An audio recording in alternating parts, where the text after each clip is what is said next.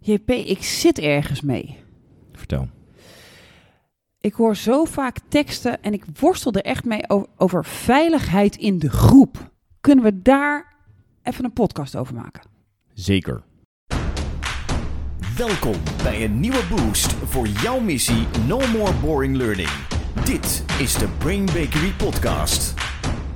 Beste luisteraars, fijn dat je aangesloten bent bij de missie. Ik ben hier natuurlijk nooit alleen. Ik ben hier samen met Sjane. Dag Jan-Peter. De worsteling. Ja, Veiligheid in de groep. ja. Elke trainer heeft er denk ik mee te maken. Nou, als het goed is wel, maar wat is de worsteling? De worsteling zit hem in dat mensen, dat als ik met trainers spreek en ik werk veel met trainers, ik train trainers, dat er soms wordt gezegd, ja, ja, ja, maar het moet wel veilig zijn in de groep. Ja.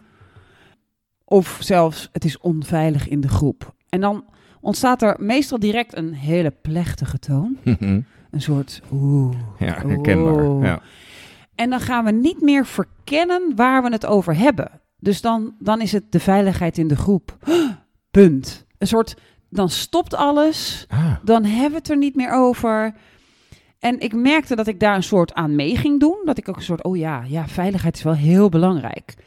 Wat natuurlijk Punt, waar ja. is, maar niet wat is het dan? Wanneer is het er? Dus ik, ik ben daarop gaan letten en ik ben mensen gaan bevragen van hoe kijk je daarnaar? Wat is het nou? Ik heb geprobeerd om het wat open te gooien en ik ben er nog niet uit. Maar ik heb wel wat inzichten. kijk, Die wil ik wel graag gaan delen. dan gaan we die inzichten delen, Ja. luisteraars. We gaan eh, drie vragen behandelen. Ja, En we gaan zien op welke antwoorden we, we uitkomen. We gaan natuurlijk kijken naar wat bedoelen we nou als we het hebben over veiligheid in de groep. ja, We gaan ook omdenken, namelijk een andere benadering van onveiligheid. ja, En we gaan het ook even hebben over ja, hoe, hoe kijk je dan naar je deelnemers? precies. Ja.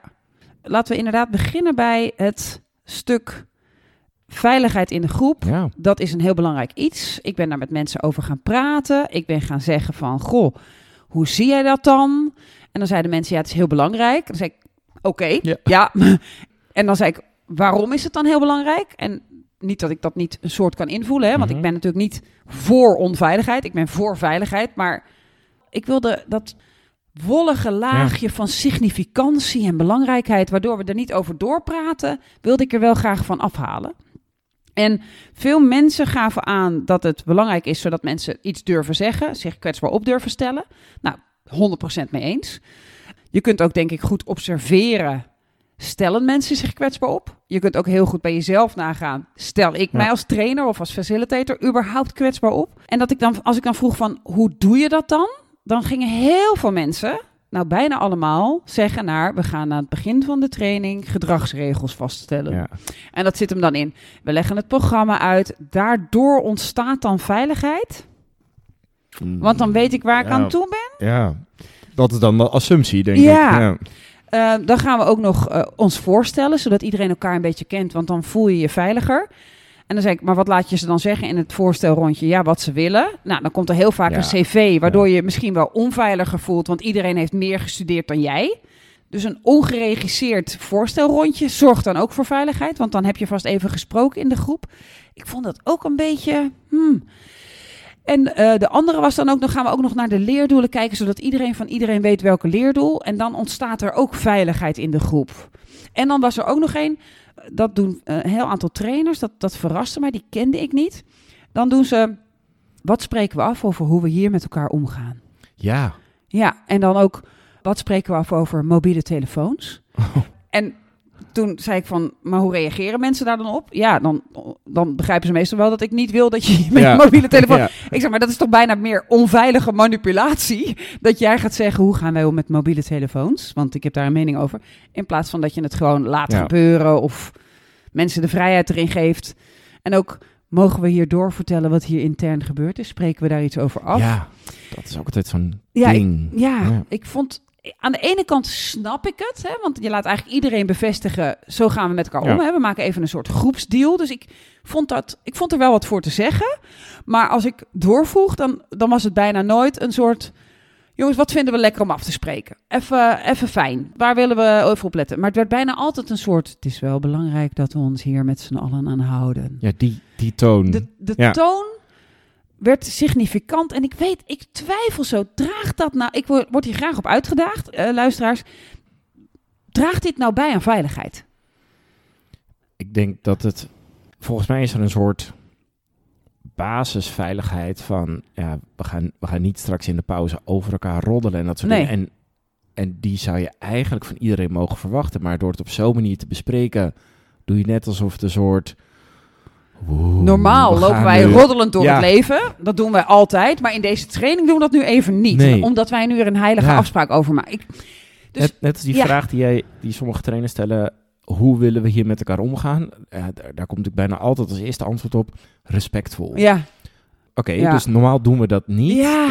En wat is dat dan, respectvol? Want dat is ook nog een hele interessante. Precies. Dus het is een soort... Ja, het is een soort basis die je dan heel belangrijk gaat Ja. maken... en heel erg expliciet gaat maken. Terwijl volgens mij het veel interessanter is. Bijvoorbeeld, wat, wat bedoelen we dan met respectvol? Ja. Wat is dat dan? Ja, dan ga je dus een heel lang gesprek aan over hoe willen we hier met elkaar omgaan. Ik vraag me echt af, misschien is de interessantste vraag wel, als je dit overslaat, escaleert het dan volledig uit de Ja. hand? Dus dus, dus Ja. wat- levert het op dat je hier tijd aan besteedt? En ik snap dat als je met een team zit met allemaal trubbels. En we weten dat allemaal van elkaar. We weten dat we dat nu eens boven water gaan krijgen. Dat het heel belangrijk is dat we even zeggen: luister. Maar dan zou ik het nog bijna meer als trainer opleggen. Hoe we hier met elkaar omgaan vandaag is volgens deze regels. Ik bescherm iedereen. Dit gaan we doen. Wat willen jullie daarover afspreken? Wat gebeurt er normaal? Dan is veiligheid dus een Ja. thema in Ja. de groep, wat je van tevoren weet. Ja, dan moet die denk ik op tafel. Eh, en, want dan kun je ook bespreken, hoe doen jullie dat dan normaal? maar met allemaal vreemden in een training die hier uitgebreid bij stilstaan als een soort gimmick die we nou eenmaal doen. Ja. Want dan ontstaat er kennelijk veiligheid. Daar vond ik hem wat vreemd Ja. voor. Ik heb nog wel... Als er nu een trainer zit te luisteren die dit altijd doet... die Ja. zou kunnen denken... maar waarom zou ik het niet doen? Wat is erop tegen? Omdat er een zware sfeer ontstaat. Omdat het tijd kost. En die tijd ben je niet bezig met leren. eh, maar ben je bezig met Dit. dit. En ik denk dus dat het zeer gevalideerd is om het wel te doen als het nodig is voor de groep. Als het gaat over veiligheid, als het gaat over wat doen wij nou in onze vergadercultuur, wat gebeurt er allemaal, dan ligt hem er maar uit. Heb het er maar over. Maar als het gaat over hoe kan ik beter verkopen, yo, let's go. Ja. Hier zit de eerste case. Want dat vind ik het voor mij tot nu toe, ik ben nog in een zoektocht hoor, het belangrijkste tegenargument. Ik denk dat als ik veilig een veilige relatie met iemand aanga en dus goed manage dat ik respectvol ben en durf te challengen omdat ik je groot zie en eh, ook oplet dat ik in de groep mensen in bescherming neem die niet gehoord worden. Als ik die dingen goed demonstreer en laat zien en in combinatie eigenlijk drie dingen mezelf ook nog kwetsbaar opstellen en mezelf ook een lul durven vinden en durven zeggen, oh, daar faal ik soms heel erg in. Als ik die drie dingen nou demonstreer en uitdraag, Ja. dan vertel ik toch, het is hier bij mij veilig. Ja. Dus ik zal ze nog even proberen te noemen, want ik rommelde ze er een beetje Ja. uit. Dus ik stel mezelf kwetsbaar op en, en durf mezelf ook eh, een lul te noemen. De tweede is, ik stel me beschermend op naar de groep. Hè. Dus als iemand iemand kwetst, dan sta ik op en dan zorg ik dat iedereen zich beschermd en gehoord voelt. Het creëren zelf van de veilige relaties Ja. tussen jou en je deelnemers. Ja, dus ik ga Ja. respectvol met mensen Ja. om. Ik wil ze horen en ik zorg zelfs dat ik voorafgaand aan de training echt denk... in ieder van deze deelnemers zitten 86 miljard hersencellen. Ik, ik zoveel respect voor jullie. Niet, hier komen mijn deelnemers en die moet ik eerst eens even via een veiligheidsdiscussie met elkaar laten overleggen over hoe we hier met elkaar omgaan. Dus ja, dat. Ja, dus er valt echt wat tegen te zeggen. Ja, Je zou het op een hele andere manier kunnen doen. En jouw vraag vind ik ook nog een hele interessante. Is het dan maar ineens veilig? Omdat Ja. je hebt gezegd, we gaan hier respectvol met elkaar om. En de telefoons gaan uit. Nee, ja. maar ja, is er dan ineens veiligheid? Ja, en volgens mij breng je daarmee ook iets in de ruimte, waardoor mensen echt even Ja. bezig gaan met. Wat is dan Hoe bedoel je? Waarom doen we dit? Wat een raar. Nou, oké, ik zal maar meedoen, want ik wil niet tegen veiligheid lijken. Dus ik ga maar braaf zeggen dat respectvol Ja. onwijs belangrijk is. Maar hun hersencellen zijn daarmee bezig. Terwijl, is er überhaupt een probleem wat opgelost moet worden? Juist. Ja, Dat vind ik wel niet Ja. Want door het zo groot te maken, kun je ook aanwakkeren. Oh ja, het zou ook nog eens. Het, oh, het zou hier onveilig kunnen zijn. ja, ja. En dan ga je, dan, dan sla je, eh, Wow. dan, dan ga je juist de andere kant Ja. op. En, en je zou ook kunnen denken daardoor als deelnemer... Oké, dit, dit gesprek hebben we vast niet voor niets. Er komen vast Ja. hele enge rollenspellen met Ja. hele enge dingen. En dan krijg ik hele enge feedback. Ja. Dus ik moet me daar nu mentaal vast op voorbereiden. Dus eigenlijk ga je je bijna meer schrap zetten... Dan dat je zin krijgt om lekker los te Een gaan. soort slapende honden wakker maken. Ja, ja. ja, en het andere wat ik ook nog bedacht is... Stel je nou voor dat ik zo'n trainer ben en ik doe en mezelf uitgebreid voorstellen... het programma vertellen, eh, leerdoelen, iedereen zich voorstellen... Bent En de- boring trainer. eh boring Ja. De, en ik doe de veiligheids, het veiligheidsgesprek en de veiligheidsafspraken maak ik. En er zit iemand in mijn groep, die gaat thuis door een scheiding, die gaat door de hel.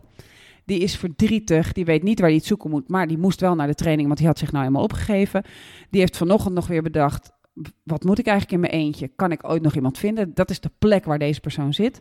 En die wordt gepest, een beetje op het werk door iemand. En die heeft ook net gehoord dat die persoon in een scheiding ligt. En die vindt dat wel mooi, want die gunt hem dat. Stel dat dat aan de hand is. Zo.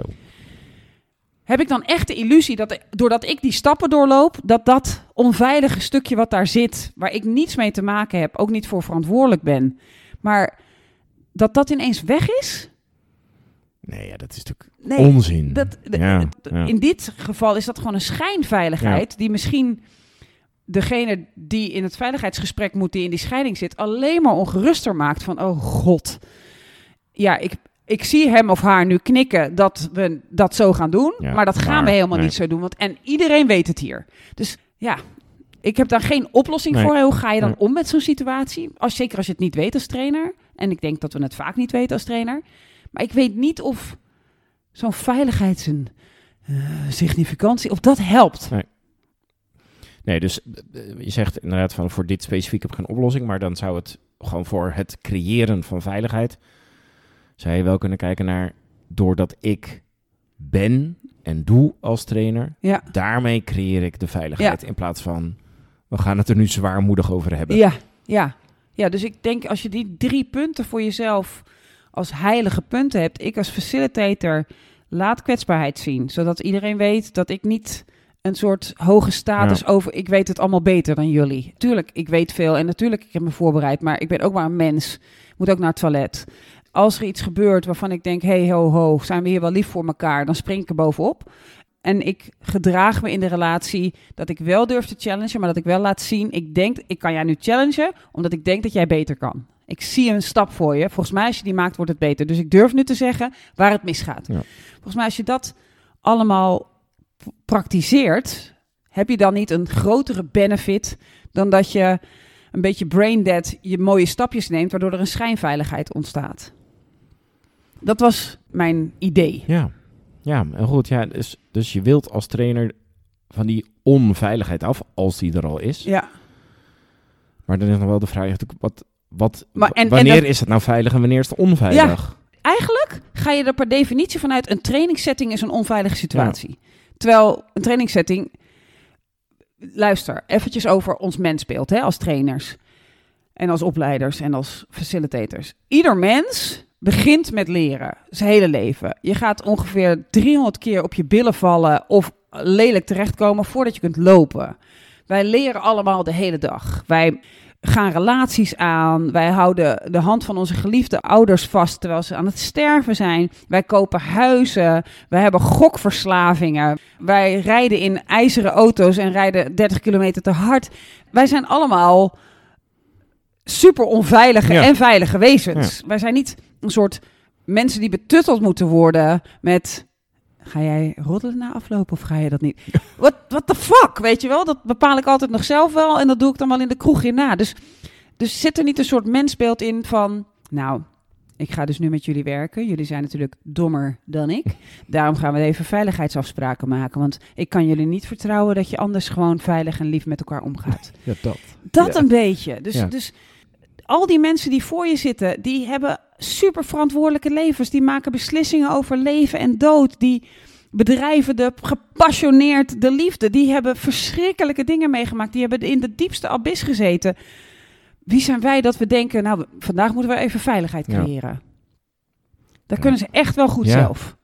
Ja, ze kunnen voor zichzelf opkomen. Ze kunnen kritisch zijn. Ze kunnen vragen stellen. Ze kunnen aangeven, ik vind het nu niet oké. Ja, En wij kunnen Ja. ook nog goed opletten als iemand dat non-verbaal... ge- Want ja. Ja. er bestaat zoiets als groupthink, er bestaat zoiets als sociaal wenselijkheid. Dus natuurlijk, als iedereen maar in dat rollenspel meegaat, wordt het heel moeilijk om te zeggen, ik wou hem eigenlijk niet doen. Hè, dat, dat begrijp ik ook.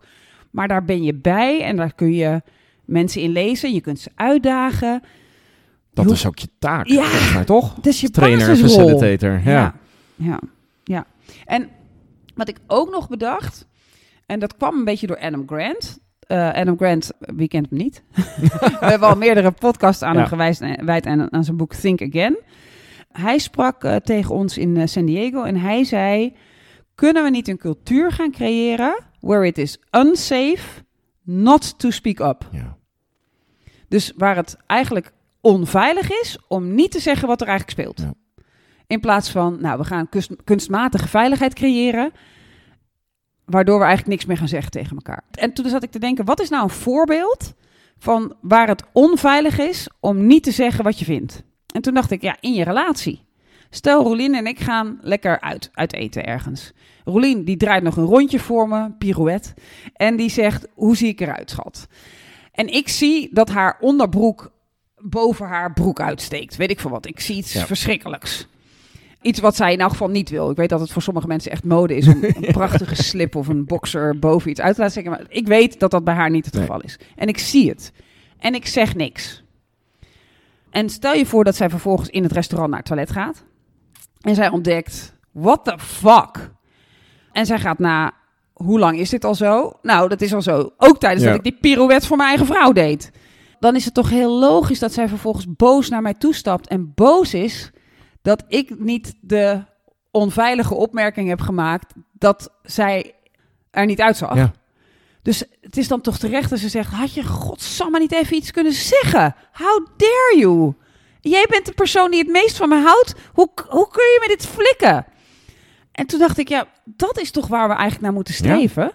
Dat stel je voor dat jij presenteert een podcast-idee, een, een, een aflevering-idee. En ik denk, nou, is helemaal niks. Luisteraars knappen er totaal op af. En ik ga het niet zeggen. Dan ben ik toch onveilig? Ja. Dus zit het niet veel meer dat we hem moeten flippen, dat we andersom moeten kijken van, maak ik het niet juist super onveilig door allerlei dingen niet te zeggen, terwijl je, omdat we collega's zijn, we zitten in hetzelfde team, we hebben hetzelfde doel, dat je ervan uit mag gaan dat ik jou red, waarschuw, de waarheid zeg, zeg, bakker, nu ging je te ver. En, en ik denk ook door, door die zwaarmoedige gesprekken aan het begin, gaan Ja. mensen denk ik eerder denken, Ja, zonder, dat wil je niet als Nee. trainer, maar ik denk wel dat ze eerder denken, Ja. oké, dan ga ik dus niet scherpe kritiek leveren, want dat is dan waarschijnlijk niet veilig. want dat is niet respectvol. Want, want, want zo gedetailleerd maken we het gesprek Ja. vaak niet. Waardoor ze zich niet uitspreken, waardoor mensen een oefening doen, de oefening gaat niet goed. Krijgen daar dus niet echt goede feedback, Nee. krijgen te horen, nee, je was wel verder heel aardig. Ja, Ging waardoor ze het op de, de werkvloer ook weer niet goed doen. ja. Die situatie. Misschien Ja. creëer je met al die veiligheidsmaatregelen bijna wel onveiligheid. Zo. Nou, Nou, dat dacht ik dus. Nou, dat dacht ik nog niet, maar daar kom ik nu achter in het gesprek dat ik dat denk. Dit was de worsteling. Ja, Is de worsteling. Ja. ja. waarbij veiligheid super belangrijk is, want anders kunnen we niet leren. Ja. Als het te onveilig is, valt er niks te leren. Maar waar we ook reëel moeten zijn over wat is onze rol daarin, wat kan ik er zelf aan doen. Ja. En waarbij we, denk ik, kritisch met z'n allen moeten kijken welke gimmicks zijn we gaan doen en leveren die echt op wat ze moeten doen. Ja. Met als uitzondering natuurlijk, stel je gaat met een team werken die zegt het is hier onveilig. Ja, dan Ja. moet je het misschien wel even over veiligheid gaan hebben. Ja. Dat, dan moet die op de agenda. Ja, en dus, wat bedoelen we nou met die veiligheid? Ja. Want dit, dit, dit laatste van Evan Grant is natuurlijk, wat bedoelen we nou met veiligheid? Ja. Is dat, eh, we zijn aardig voor elkaar? Of is dat, als we zien dat iemand iets niet goed doet, eh, en, dat, en dat uitstraalt, ik ben van plan om dat straks op de werkvloer ook weer zo te doen, ja. Ja, dan moet je je uitspreken. ja. En, maar je wil niet een deal sluiten dat dan de andere 15 die kijken naar jou terwijl je oefent, dat die allemaal Nee, zeggen: nee. Boe! Je, Ja, je, wilt, nee. je wilt niet een soort. Dat wil je ook weer niet afspreken. Dus misschien kan je daar wel afspraken over maken. Maar, maar vooral maak het nou eens onveilig om niet Ja, te zeggen wat er is. ja. Nou, Nou, en zo ronden we deze podcast af Ja. bij het wel een soort van antwoorden, ja, maar ook nog wel wat vraagtekens. En dat wilden we ook wel, Ja. want Wij hebben hier ook niet alle wijsheid in pacht. Dus we zijn ook heel benieuwd hoe onze luisteraars erover denken. Ja, wat denk jij? Wat vind je ervan? Wil je enorm verdedigen dat je het via zo'n veiligheidsdiscussie wel voor elkaar krijgt? Wat zijn de afwegingen? Wat kunnen we hier met z'n allen in de wereld van L&D nog van leren? Want ik wil in ieder geval niet blijven hangen in... Is het wel veilig in de groep? Want veiligheid bestaat niet... Veiligheid is niet aan tafel. Het is niet een ding. Nee. Het is... Is het veilig tussen ons? Ja. Durf jij iets te zeggen tegen mij? Durf ik iets te zeggen tegen jou? En natuurlijk zijn er omstandigheden dat je het even niet durft. Want je ziet dat die ander door zijn hoeven gaat, woedend is, verdrietig is. Dan ben je even voorzichtig met elkaar. Maar betekent niet dat er niet een moment komt waarop je kunt zeggen wat je wil zeggen. Nou, dat. Nou, dat. Nou, ik vond het een hele veilige podcast. Een beetje, een beetje lafjes en een beetje vanille, beige. Maar wat, wat zullen we afspreken rondom onze mobiele telefoons? Anders. Ja, ehm, ja, ik zou denken Nee, dat we nee, er respect. Nee, respectvol. Ja. respectvol mee omgaan. Luisteraars, heel erg bedankt voor het luisteren. Check vooral het bijbehorende artikel op www.brainbakery.com en dan de Brain Snacks. En heel graag tot de volgende keer. No more boring learning. Dit was de Brain Bakery podcast. Wil je meer weten? Kijk dan op brainbakery.com of volg ons op onze socials.